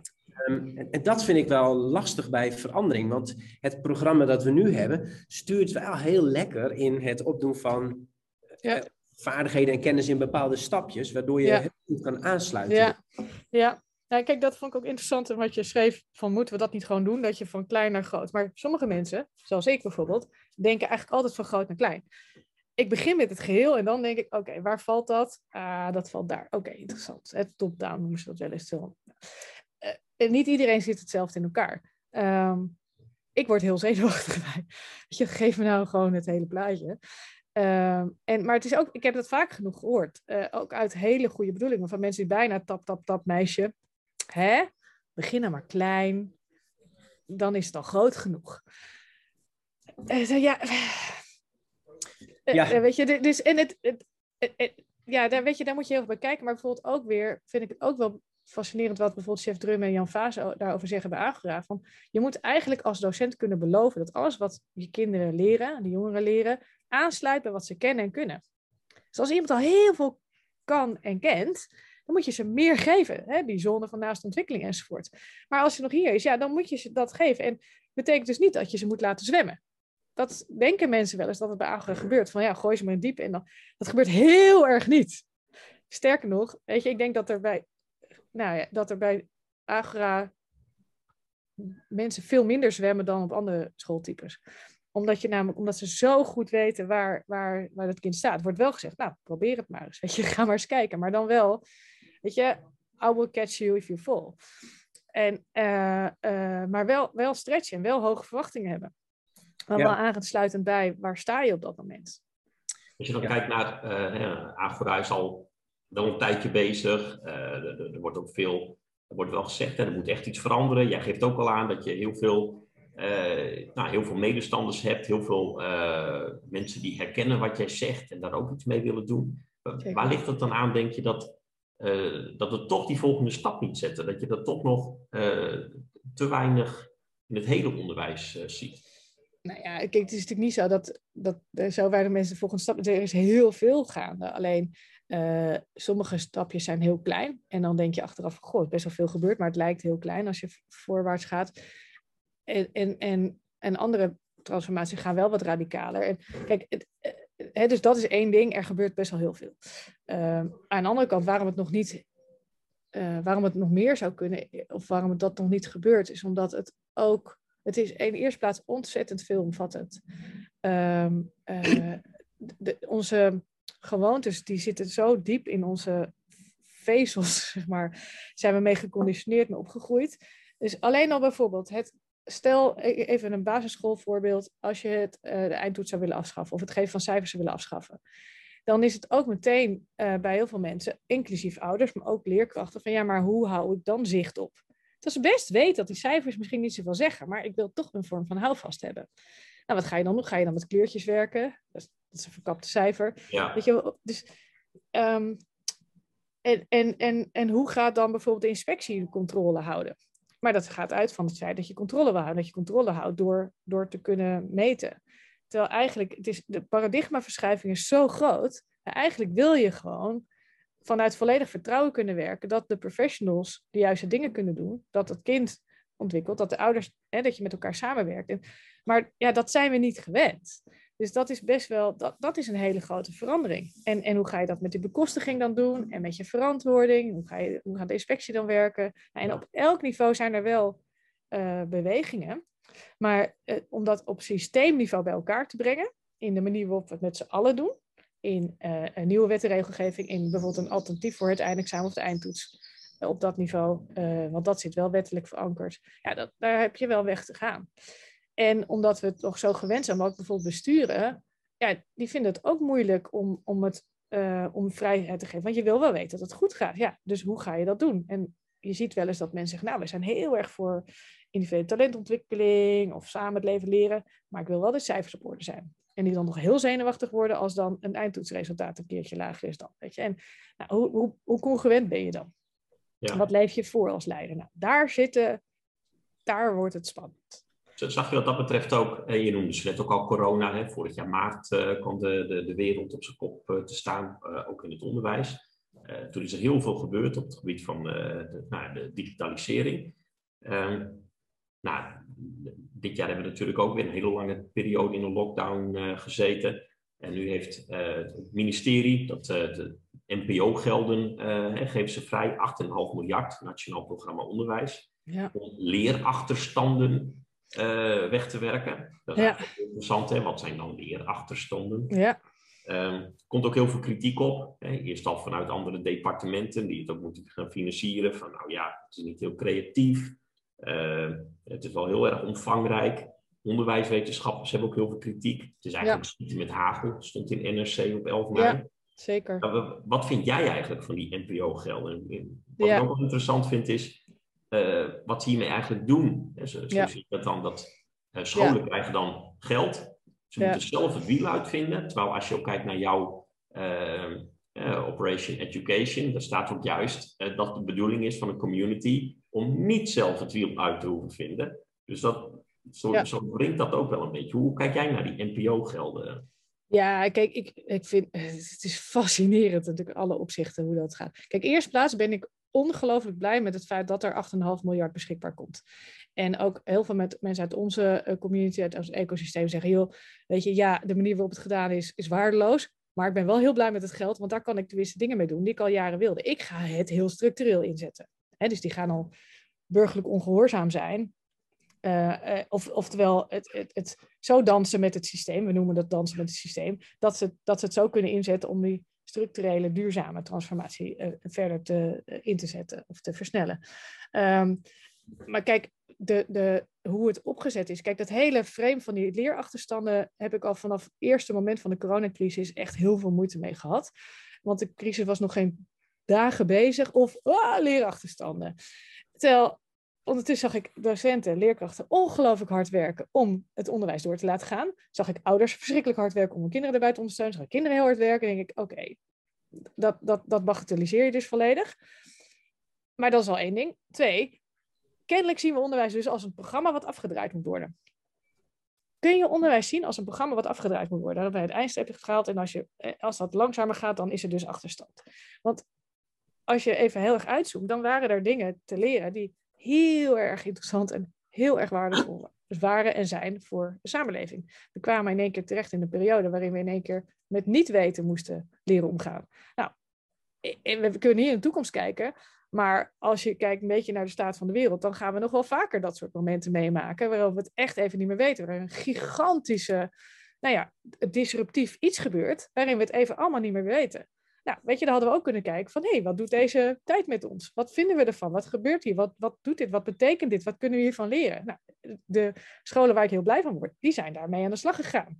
Met fantastische effecten. Hè, maar, maar, maar het feit dat je iedereen vreemd als iedereen heeft leerachterstand, nou, daar kan ik echt niet bij. Sterker nog, het is keihard onderuit gehaald. Als je ook al de data bekijkt, is helemaal niet bij iedereen leerachterstand opgetreden. Er zijn wel bepaalde groepen enorme leerachterstanden opgetreden. Dus de verschillen zijn vergroot. En daar moeten we aandacht voor hebben. Uh, maar er zijn ook kinderen die eindelijk tot leren zijn gekomen, omdat ze eindelijk in de rust konden zijn. Uh, en niet de hele dag werden afgeleid door al die energie en moeten. En weet je, die, nou, die konden ademhalen. Maar dat, dat, dat durven we niet over te hebben op dat niveau, gelukkig. Hè? Wel, wel, wel op het niveau van met elkaar uh, het gesprek en social media enzovoort. Maar ja, dus, dus uh, dit was heel erg nog vanuit het frame van we moeten ehm, de boel beheersen en het programma moet afgedraaid worden. Nou, en toen is er dus ook een nationaal programma onderwijs gemaakt om de veronderstelde leerachterstanden in te halen. Nou ja, weet je, terwijl het is een, ja, je moet natuurlijk de interventies doen. Als je onderwijs als interventies kunt zien, maar vooral dit programma als interventie kunt zien, je moet datgene doen wat op dat moment nodig is. Dat zou één ding zijn. Maar ja, is dan, is dan de bedoeling om die kinderen die het al zo heftig hebben gehad, al zo opgesloten zijn geweest, om die weer een zomer lang op te sluiten om naar uh, die achterstanden in te halen? Ja, ik vind het echt mensonterend uh, naar leerkrachten en naar leerlingen toe. Um, en tegelijkertijd vind ik, en dat is ook natuurlijk de kritiek die komt, er is natuurlijk heel veel kritiek, uh, uh, maar je, we moeten naar met elkaar naar een veel structureler vraagstuk kijken. Van ja, wat is echt de bedoeling? En dat durft nog niemand aan. Ehm, dus moeten we doen met wat er wel is, om het zelf wel te doen. En wat ik zeg, dansen met het systeem. dus, dus er zijn ook in onze community, in ons ecosysteem, allerlei dingen op gang gekomen om met elkaar na te denken over hoe we de NPO-gelden structureel kunnen inzetten of uh, duurzaam kunnen inzetten. Gewoon echt dienstbaar aan. Uh, want ja, ook al als je alleen maar nu extra leraren gaat aannemen die er al niet eens echt zijn. En je moet ze straks weer ontslaan omdat het NPO afgelopen is. Weet je, allemaal, ja. Maar het feit dat er wel geld is uitgetrokken, dat men op dat moment toch wel urgentie is gaan zien, is hoopgevend. Hoewel ik ook wel weer zag in de kamerstukken natuurlijk, dat het niet erg van harte is gegaan allemaal. En uh, we, we gewoon een weg te gaan hebben. Maar goed, dat is wat het is. En je zegt, uh, we, we, praten binnen Operation Education over manieren om dit uh, ja, goed, wat structureel in te zetten. Wat is een van die manieren dan bijvoorbeeld? Um, nou, ik zie mensen het inzetten voor ehm, het hebben van gesprekken met elkaar. Dus het, het vrijmaken van mensen om de, de, wij noemen het kampvuurgesprekken te hebben. Om het goede gesprek te hebben, wat vinden we echt belangrijk? Om mensen uh, vrij te roosteren. Om, om uh, meer tijd te hebben om, voor reflectie met elkaar. Om uh, feedback te kunnen geven op elkaars functioneren. Om ruimte te maken voor bezinning. nou, als voorbeeld. Ja, ja. Eh, eh, om, om, de, om, de, om de, de transformatie diepgaander te laten zijn en, en, en meer onderdeel van. Want op dit moment zeggen heel veel mensen van ja, ik weet echt wat dat anders moet, Claire. Of weet je wel, wie dan ook. Uh, maar we hebben geen tijd. We zitten zo vol. Ja, ja, oké. Ja, weet je, en dan blijf je zitten in. Weet je wel, maar, maar, maar uh, uh, wat ze structureel doen is ruimte bieden aan de professionals om er samen uit te komen, om samen beter te worden. Ja, oké. Um, nog een vraag die zo uh, in mij opkwam, volgens mij gisteravond. Je noemt in het seminar, heb je het over burgerschap. Ja, Als... dat was het, het, het, seminar ging over burgerschap, dus ja. toen had ik het heel erg over burgerschap, ja. Ja, en, um, maar ik begrijp ook wel uit de dingen die je vandaag ook weer zegt, hè, dat dat toch een van de belangrijke bedoelingen is van onderwijs. Ik, ik, ik, ik, hoorde een podcast, ik denk bij de eindbazen, er was iemand als gast. En die, die had ook wel een stukje, ehm, nou niet kritiek, wel wat angst voor wanneer je wat meer op de mens gaat onderwijzen. Ze zeggen wel, Nederland is ehm, toch ook een land, en eigenlijk heel veel landen zijn zo. Uiteindelijk wil je iets kunnen beoordelen. En uiteindelijk komt er dan een rubriek. Hoe werk jij samen met mensen? En dat je, dat je standaardisatie krijgt binnen onderwijs dat eigenlijk gaat over burgerschap. En dat je een soort eenheidsworst aan het ontwikkelen bent. Ja. En ik had daar nooit zo over nagedacht, maar toen ik dat hoorde, dacht ik, ja, dat is toch wel een gevaar. Van als je, ja. als je wil beoordelen, kun je het misschien beter in een systeem doen, waarbij je zegt, je moet over een bepaalde lat heen springen. Ja. Het gaat over de inhoud. Nou ja, dat is precies uh, wat ik bedoel met het gevaar vanuit dat je het nieuwe wereld vanuit het oude perspectief gaat bekijken of gaat uh, inrichten. Um, het, het, het, ik noem het wel eens wereld A, wereld B. En wereld A is, is de wereld waar alles bekend is en, en, en niet veel verandert. En waar controle het belangrijkste ding is. Hè? Want het mag niet misgaan. In het onderwijs willen we natuurlijk dat het niet misgaat met de kinderen. Want je hebt maar één kans en die mag je niet verpesten. Dus daarom hebben we al die beheersdingen. Um, die wereld B, waar alles onkenbaar is en heel snel verandert, ja, dan werkt, kun je niet beheersen, want hij verandert te snel. hè, waar we vorig jaar half maart waren, en eigenlijk in de hele coronatijd, dat je gewoon niet precies weet waar je straks staat en het moet doen met wat er is. Ja, dan, dan zul je een heel ander paradigma uh, moeten laten bestaan, namelijk van vertrouwen dat we er met elkaar uitkomen. En ik denk dat we dat kunnen doen, want ik denk van, als je gewoon kijkt naar wat het onderwijs vorig jaar half maart voor elkaar heeft gekregen, in één week tijd er was geen, wat ik al eerder zei, er was geen wet, er was geen protocol, er was niks. Maar er was een enorme gezamenlijk gevoel, de verantwoordelijkheid om iets te doen voor de kinderen. Om ervoor te zorgen dat er een vorm van onderwijs was. En toen zijn, en ik hoor van alle kanten mensen enorm zijn gaan samenwerken en hun ding overboord en gaan kijken. En oh, jij pakt dat op, jij pakt dat. Oh, ik ben wel handig met dit en ik kan een filmpje maken. En, en, en, en ik denk niet dat er ook maar één school te vinden is die, die, die, uh, die minachting had voor de kinderen, bijvoorbeeld. Of die minachting had voor elkaar. Of, uh, weet je, er was zoveel vertrouwen en er was zoveel gemeenschappelijk gevoel van wij kunnen dit, wij gaan iets voor elkaar krijgen en wij gaan hier gewoon uitvinden. En we weten ook niet precies waar we komen, maar we gaan, gaan gewoon op pad. En dat is een beetje het paradigma wat ik bedoel. En je moet uitgaan van vertrouwen en dan eigenlijk als leider voornamelijk niet zeggen hoe kan ik je controleren, maar als leider zeggen hoe kan ik je helpen, wat heb je nodig? Hoe kan ik je, hoe kan ik je faciliteren? Precies. Ja. Hey, en um, om het even wat concreet te maken, daar, daar, houden docenten altijd van dat dingen concreet zijn. En we gaan ervan uit dat we ook vooral docenten luisteren nu. Um, stel nou, je mag de Claire Boonstra school oprichten. Zou je eens een lesdag kunnen beschrijven van, uh, van een leerling? Ja, lesdag is alweer lesdag. Hoezo lesdag? Nou ja, een dag uh, dat, je, uh, ja. bezig bent met ontwikkeling. Ja, nou ja, kijk, um, ik, ik, ik, ik vind het heel moeilijk, want het is niet mijn rol om zelf een school te creëren. Hè? Maar, maar ik, ik kan je wel meenemen in uh, voorbeelden van scholen in ontwikkeling, het zij die al bestaan, waar ik echt heel blij van word. Van ik denk, ja, daar gebeuren goede dingen. En enerzijds ben ik gewoon een fan van een Agoriaanse aanpak. Maar uh, wat ik nog gaaf vind, is wat bijvoorbeeld uh, Juliette Schrouwers aan het creëren is met een Now School. Um, dat is een school die eigenlijk draait om het regenereren van moeder aarde. Um, en daar leren de mensen die daar zijn, de volwassenen en de kinderen samen, om uh, nou, hoe we dat gaan doen. Hoe we hoe we die positieve spiraal weer in gaan zetten. Want op dit moment zijn we de aarde aan het degenereren. Hè? En alleen maar afnemen en alleen maar uitputten en, en die negatieve spiraal. En steeds minder divers, biodiversiteit enzovoort. Dus, en we kunnen die aarde niet in één keer fixen, zeker niet binnen één generatie. Dus welke stappen kunnen we wel zetten om de positieve spiraal weer in te zetten? En dat is het uitgangspunt van die school. En uh, wat zij bijvoorbeeld aan het doen is, is bijvoorbeeld begonnen met uh, de aanschaf van een schoolbus. Niet een schoolgebouw, maar een schoolbus. Zegt nou, het leren gebeurt op heel veel verschillende plekken, niet per se in het klaslokaal. Um, en, en nou ja, dan maar continu op schoolreisje te zijn, zeg maar. Als een voorbeeld. Wat ze nu ook aan het doen is, ze is bezig met de aankoop van, een, uh, van 15 hectare, geloof ik, land uh, in Houten. Uh, waar ze allerlei regeneratieve ondernemingen op gaat laten plaatsvinden. Onder andere een een, een, een, een, tuin hè, waar, waar, waar, je, waar we leren om hè, met behoud heel veel biodiversiteit van alles te groeien. Een restaurant. Een, nou, allerlei soorten ondernemingen. En die school is onderdeel daarvan.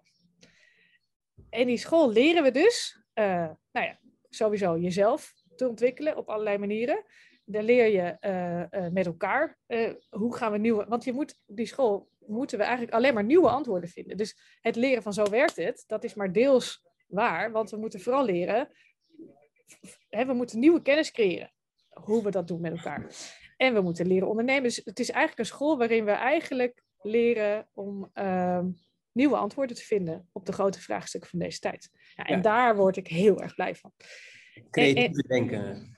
Ja, het is creatief, het is ondernemend. Hè, want zij, zij gaat die school bijvoorbeeld ook als, ondernemer op, als onderneming opzetten. Wat, en zij loopt dus direct al tegen grenzen van het systeem aan. Want zij wil graag een uh, publiek bekostigde school die wel als onderneming opereert. Nou, dat zegt het systeem. Uh, niet, ja. ze, ze gelooft daar wel in en ik geloof daar ook in. Dat een school als onderneming een heel goed idee is. Hè, maar, maar zonder dat het een particuliere school voor de goede elite is. Hè, dus, dus Um, ja, en wat daar concreet gebeurt, ja, weet je, daar leren de kinderen gewoon, oké, hoe verbouw je uh, voedsel? Uh, maar vooral, hoe doe je dat op een manier die de biodiversiteit vergroot? Um, die de aarde uh, weer herstelt, dat de aarde gezonder wordt, dat mensen gezonder leren worden, dat we met elkaar beter hebben, dat we met elkaar leren om elkaar, elkaars potentieel te ontketenen. En, en dan zijn lessen wel onderdeel van, want dan zijn er dus mensen die hun uh, kennis komen delen. En, maar dat kunnen dus, daar zullen deels bevoegde docenten zijn in bepaalde vakken, maar er zullen ook heel veel mensen zijn die heel erg bevoegd zijn in een vak, maar niet een lesbevoegdheid hebben. Dat kunnen designers zijn, of regeneratieve ondernemers, of windmolen-experts, of weet ik wel, allemaal mensen die heel erg veel weten van een vak en heel erg graag hun kennis overdragen, maar niet per se geleerd hebben om vanuit het systeem een methode over te dragen. Als, dat even heel erg uh, bagatelliseer wat de docent doet natuurlijk, want zo zie, zie ik het zeker Als ik dit uh, zo hoor, moet ik terugdenken aan een TED-talk. En uh, volgens mij was het in dezelfde periode als waarin jij je eigen TED-talk hebt gehouden, je eerste. Dus iemand die zei, ik ben zijn naam kwijt. Die zei, we kunnen het onderwijs niet veranderen binnen het onderwijs. Want je kunt eh, aan een appelboom geen peren laten groeien. En ik vond het wel een treffende opmerking. En ook als ik nu het voorbeeld hoor dat jij zojuist schetste, denk ik, ja, dit, een dergelijk type onderwijs kan bijna niet ontstaan als je het binnen het huidige systeem wilt houden. Als je het systeem zo leidend vindt, ja. uh, laat zijn, zeg maar, dan, dan is het bijna niet mogelijk. Want dan moet je in hokjes denken, in vakken denken, in subsidies denken. In... Ja. ja, dus precies. Maar, maar het is ook een beetje wat laat je. Kijk, uh, zullen dat ook neem, maar ik vind het gewoon zo'n fascinerend iets omdat veel mensen het kennen. Kijk, Agora is een totaal radicaal anders concept, maar echt binnen een bestaande setting neergezet, heel nadrukkelijk. Uh, zodat iedereen in de bestaande setting van, kan meekijken en kan binnenlopen en ervan kan leren. En daardoor ontstaan er zoveel, hè, daardoor gaat het, groeit het zo makkelijk, zeg maar. Omdat mensen kunnen meekijken en daarvan kunnen leren. En dat toch heel interessant blijken te kunnen vinden. je ziet heel veel agora's waar eerst iedereen had ze van, ja, dat gaat ook niet werken. En dan steeds vaker binnenlopen en zeggen, oeh, misschien is het toch ook wel wat voor mij. Um, uh, dus, dus, dat kan wel. En ik, ik geloof heilig in de NN-aanpak. Kijk, uiteindelijk, we kunnen natuurlijk niet 200.000 mensen uh, ontslaan en zeggen, joh, jullie doen niet meer mee, we gaan opnieuw beginnen. Het bestaat niet. Um, en, en er gebeurt ook ongelooflijk veel binnen het bestaande systeem. Hè? Om maar even een voorbeeld te noemen van, is dan ook in dit geval wel een, een, uh, een basisschoolvoorbeeld. SAX, samen katholiek scholen, omgeving Alkmaar. Daar was helemaal van de Hoorn tot voor kort uh, bestuursvoorzitter. Zij was ook rond dezelfde tijd begonnen als ik, zo'n negen jaar geleden. En um, zij is gewoon vanuit haar sturingsfilosofie van liefde en vertrouwen, is zij stapje voor stapje voor stapje voor stapje die bestaande uh, stichting, bestaande scholen helpen transformeren. Door alleen maar eigenlijk te zeggen, te vragen aan de professionals, wat zou je graag willen doen en hoe kan ik je daarbij ondersteunen? Wat heb je daarvoor nodig? Enorm ruimte bieden, enorm veel vertrouwen. Um, en ook wel de moeilijke gesprekken voeren met de mensen die dat bijvoorbeeld ingewikkeld vinden. En zeggen, joh, ben je nog wel op je plek? Moeten we wederzijds afscheid van elkaar niet ontslaan van, jij, jij doet niet mee. Nee, voel je je op je plek hier? Voel je de ruimte? Denk je dat je dat wil? Denk je dat je het aan kan? Maar ook door zelf enorm voor te gaan in dat niet weten, in haar kwetsbaarheid. zij zij uh, heeft, uh, had continu, uh, gaf elke maand een, een groepje uh, professionals uit de organisaties, leraren, schoolleiders, bij haar thuis. Kookte ze voor ze. En dan ging ze hem een kampvuurgesprek houden over, goh, wat drijft mij? Wat vind ik belangrijk? Nou, bijna altijd ontstonden er ergens traantjes en kwetsbaarheid, menselijkheid. En van daaruit ja, zie je gewoon zo'n prachtige organisatie ontstaan. Waarin iedereen ook zegt van ja, weet je, we zijn op pad. En elke school zit op een ander punt in de ontwikkeling. Er zitten scholen die nog steeds heel traditioneel zijn en stapje voor stapje stapje. Er zijn scholen die wat harder zijn gegaan. En zeggen sommige traditionele scholen zijn al verder gekomen dan de oorspronkelijke innovatieve school in hun proces. Weet je, dus dat is gewoon ook een bestaande organisatie helpen transformeren door heel veel ruimte, heel veel liefde, heel veel vertrouwen in die organisatie te stoppen. En te zeggen, volgens mij kunnen jullie er heel goed uitkomen. En daar, ruimte, ja, daar, daar, daar alles op in te richten. En uiteindelijk, wat ik ook nog wel wil vertellen, want dan mensen zeggen, ja, maar de inspectie dan. Op een gegeven moment kreeg zij uh, inspectiebezoek, bestuurlijk inspectiebezoek.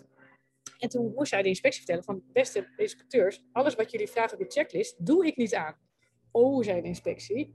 Um, wat heb je dan wel? Nou, ik heb een sturingsfilosofie. En ze had toen toevallig net uh, uh, een hele mooie podcastopname ook gehad. En toen hebben, heeft de inspecteur, die heeft twee collega's meegenomen. Die zijn die podcast gaan terugluisteren. En nou, hebben wat dingen gelezen. En die zijn toen die sturingsfilosofie gaan toetsen.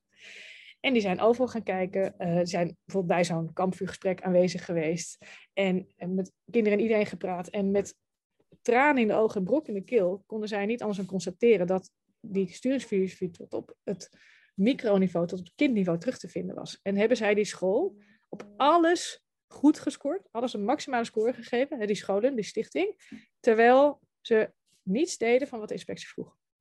Ja, ja. Bijzonder. Um, nog even te, um, bijna tot slot, want we moeten ook nog even naar de top 5 kijken. Je wilt heel graag, dat is volgens mij wat je, uh, jouw grote wens, hè, dat stakeholders van het onderwijs, of het nou een directeur is of een minister, maar dat ze in beweging komen. Um, welke tip heb jij voor onderwijsmensen die na de zomervakantie denken: ik wil het dus helemaal anders gaan doen op de Claire Boonstra manier? Ja, dan um, wees welkom om aan te sluiten bij ons, uh, ons ecosysteem. Uh, als je echt voelt van ja, dit voel ik in mijn systeem. Nou, dan is het denk ik heerlijk om je aan te sluiten bij mensen die er net zo als jij in zitten. En dat je niet de enige gek hoeft te voelen, maar hebben al die andere pioniers die hiermee bezig zijn en samen nieuwe wegen aan het vinden zijn. Uh, dus die tip heb, ik sowieso. En dat kunnen we eindelijk ook bieden. Dat wil al heel lang, maar daar hadden we geen infrastructuur voor. En nu is die er eindelijk. Um, dat één. Maar twee, uh, um, creëer ook je eigen supportsysteem. Weet dat er 100% zeker ook mensen in je eigen organisatie zijn die er ook zo over denken. En ga met die mensen gewoon regelmatig even een stukje wandelen of even, even afspreken van wat vinden we ervan. En probeer ook absoluut het gesprek over waarom doen we wat we doen op allerlei manieren te voeren. Van is het logisch dat we, nou, zoals jullie zo mooi doen, de, de leeslijst hebben? Of wat, kunnen we, wat kunnen we doen om het uh, meer in, lijn te laten zijn met onze bedoeling? Maar het begint er wel mee dat je voor jezelf helder krijgt wat voor jou zelf de bedoeling is. Door hem bijvoorbeeld uh, op te schrijven en op je bureau te zetten of zo. Weet je, dat je gewoon je eigen kompaskoers heel helder kunt krijgen. En daarover het gesprek aan te gaan, maar ook met je leidinggevende. En te zeggen, joh, beste leidinggevende, ik zit er zo in. Hoe zit jij erin? Kun, ga, kun jij mij hierin ondersteunen als ik deze stappen wil zetten? Um, maar, maar heb het vertrouwen dat, ja, ik vind dit zo logisch dat we dit zo doen. En gelukkig zijn er steeds meer mensen die het logisch vinden. Het is alleen maar lastig. Nou, en dat het lastig is, is volgens mij geen excuus om het niet te doen. Nee, nee dat denk ik ook. Dat zijn, eh, ik denk dat dat een hele mooie slotwoorden zijn. Voordat we overgaan naar ehm, de, eh, de top 5. Uh, Chaco, ja. en jou even het woord om even de top 5 door te nemen. Ik wil nog wel even noemen, ook met wat, hoe Claire ook afsluit, hè, dat, dat het goed is om ook met je leidinggevende in gesprek te gaan om ruimte te nemen. Ehm, ik, ik, denk dat dan voor mensen ook interessant is om onze vorige podcast uh, toch maar wel te luisteren. daar gaat het juist over. Hè? De, wat hebben wij gedaan? Hoe zijn wij binnen onze school uh, het gesprek aangegaan? Uh, en hoe zijn wij gekomen tot de dingen die wij nu doen? dus dat, dat, sluit daar wel heel goed bij aan, denk ik, bij wat Claire aangeeft. Um, nou, dan komen we bij de, bij de top 5. De, de boeken top 5. Want nou ja, we, hebben, lezen voor de lijst. Onze leerlingen lezen voor de lijst. Ehm, en daar, zijn prachtige boeken ook. Ehm, we hebben er vijf en iedere keer is het aan, aan onze gast om één van die boeken van de lijst af te halen en een nieuw boek op de lijst te plaatsen. De huidige top 5 in willekeurige volgorde is uh, Hanna Bervoets met alles wat er was. Uh, Hanna Bervoets is nu ook de, de, schrijfster van het Boekenweekgeschenk. Het is nu nog Boekenweek, dus dat is ook wel interessant. daarnaast hebben we Het Jachthuis van Marijn de Boer. Jan van Tortelboom met Meester Mitraillet. hartstikke interessant boek over de Eerste Wereldoorlog. Woesten, ook van een Vlaamse auteur, Chris van Steenbergen. ook tegen de Eerste Wereldoorlog aan. Ehm, en tenslotte hebben we nog confrontaties van uh, Simone Atangana Bekono. Uh, die heeft Jeroen Dera erop geplaatst. Uh, ook een heel interessant boek van een, van een jonge schrijfster. Nou Claire, je hebt nagedacht over welk boek ja. gaat en welk boek jij erop plaatst. Ja, ik vond het super ingewikkeld. Um, ook omdat ik ze geen van alle gelezen heb. Dus dat is ook wel lastig. Ik ben met hele andere boeken mee, bezig op dit moment. Maar um, puur op de titel, de lading van de titel, um, haal ik meeste mitrailletten eruit. En, uh, want andere titels vind ik wel interessant, zeg maar. Ook om de, gewoon de lading van die titels. Um, en ik heb even drie boeken meegenomen die ik wil nomineren. Dan zal ik straks een keuze maken. Maar ik heb uh, Sapiens. Uh, toen ik dit boek las, het is natuurlijk geen Nederlands boek. Dus nou ja, op de lijst. Maar ik zou echt willen dat ik zo'n boek zou mogen lezen, ook voor mijn lijst. Omdat het... En toen ik dit boek las, dacht ik echt, oké, stel nou voor dat je hele middelbare school maar uit één boek zou mogen bestaan, dan zou ik dit boek kiezen. Ik weet niet of jullie dit kennen, maar uh, het, het is zo, uh, uh, Yuval Noah Harari, hij is een Israëliër en hij heeft een, dit, dit is een soort veelomvattend boek dat uitlegt over hoe wij als mensen zijn geworden, hoe het zo gekomen is dat wij sapiens zijn geworden is ook de geschiedenis van, van ons als mensen. En ook van hoe we met elkaar samenwerken en hoe economie is ontstaan. En hoe aardeskunde. Weet je, het is, het is zo'n waanzinnig mooi werk om te begrijpen hoe we in elkaar zitten. Ik vond het echt waanzinnig. Waarom wij bijvoorbeeld de Neandertalers hebben verslagen. En waar, waar dat aan wel niet, wat we er wel en niet over weten. Nou, echt geweldig. Dus ik zou echt, ik kan het ook elke jongere enorm aanraden om dit te lezen. Het is gewoon heel erg interessant. Zeker als je een beetje van non-fictie houdt. Of zo zeker zeg maar, wilt snappen hoe, hoe de boel in elkaar zit. Nou, tweede hebben jullie net al genoemd. Uh, de meeste mensen deugen. Lekker dikke pil, maar het leest fantastisch weg. Uh, van Brechtman. Um, dit was een boek wat, mij, wat voor mij zo'n ontzettend fijne tegenhanger bood aan in mijn ogen de depressieve literatuur van Nederlandse literatuur. Van mensen die, die, die vanuit een depressiviteit briljante werk zijn gaan schrijven. Maar dit was voor mij van, oh ja, zo voel ik het. Ik voel dat de meeste mensen deugen. Het, het, en, en, het, en het ontkracht ook heel veel zogenoemd onderzoek wat vroeger is gedaan, wat best wel gemanipuleerd blijkt te zijn. Wat het beeld zou bevestigen dat wij inderdaad allemaal vreselijke uh, mensen zijn. Um, maar dus, dus, dus dit kan ik enorm aanraden. Het, het, het, dikke pil, maar het leest zo heerlijk. En een ander boek wat jullie misschien niet kennen.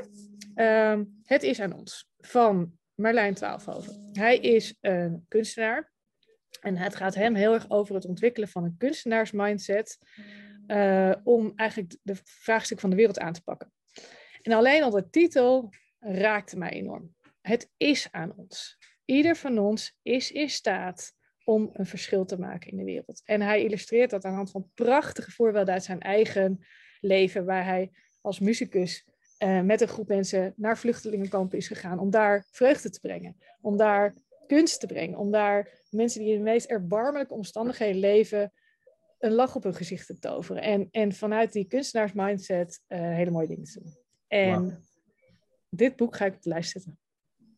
Dat dacht ik al, want het past natuurlijk helemaal bij de hele strekking van alles wat je vertelt. Ja. Dus het is aan ons van Marlijn 12 over. Oké, hij komt in de lijst. Oh, en docenten, 23 juni is Marlijn bij ons in ons ecosysteem Zoomtavond. Dus dat is misschien ook, dan kun je heel veel van hem leren. En als mensen zich willen aansluiten, dan kunnen ze naar operationeducation. Zeker, ja. NL.com? Nee, op, ja, operation, eh, operationeducation.nl of operation.education. En mijn dochter belt mij nu, dus ik ga opnemen. Oké, gaan we doen. Dankjewel voor je aanwezigheid. Ja, enorm bedankt. Oké. Dankjewel, was fijn. Dag. Dag.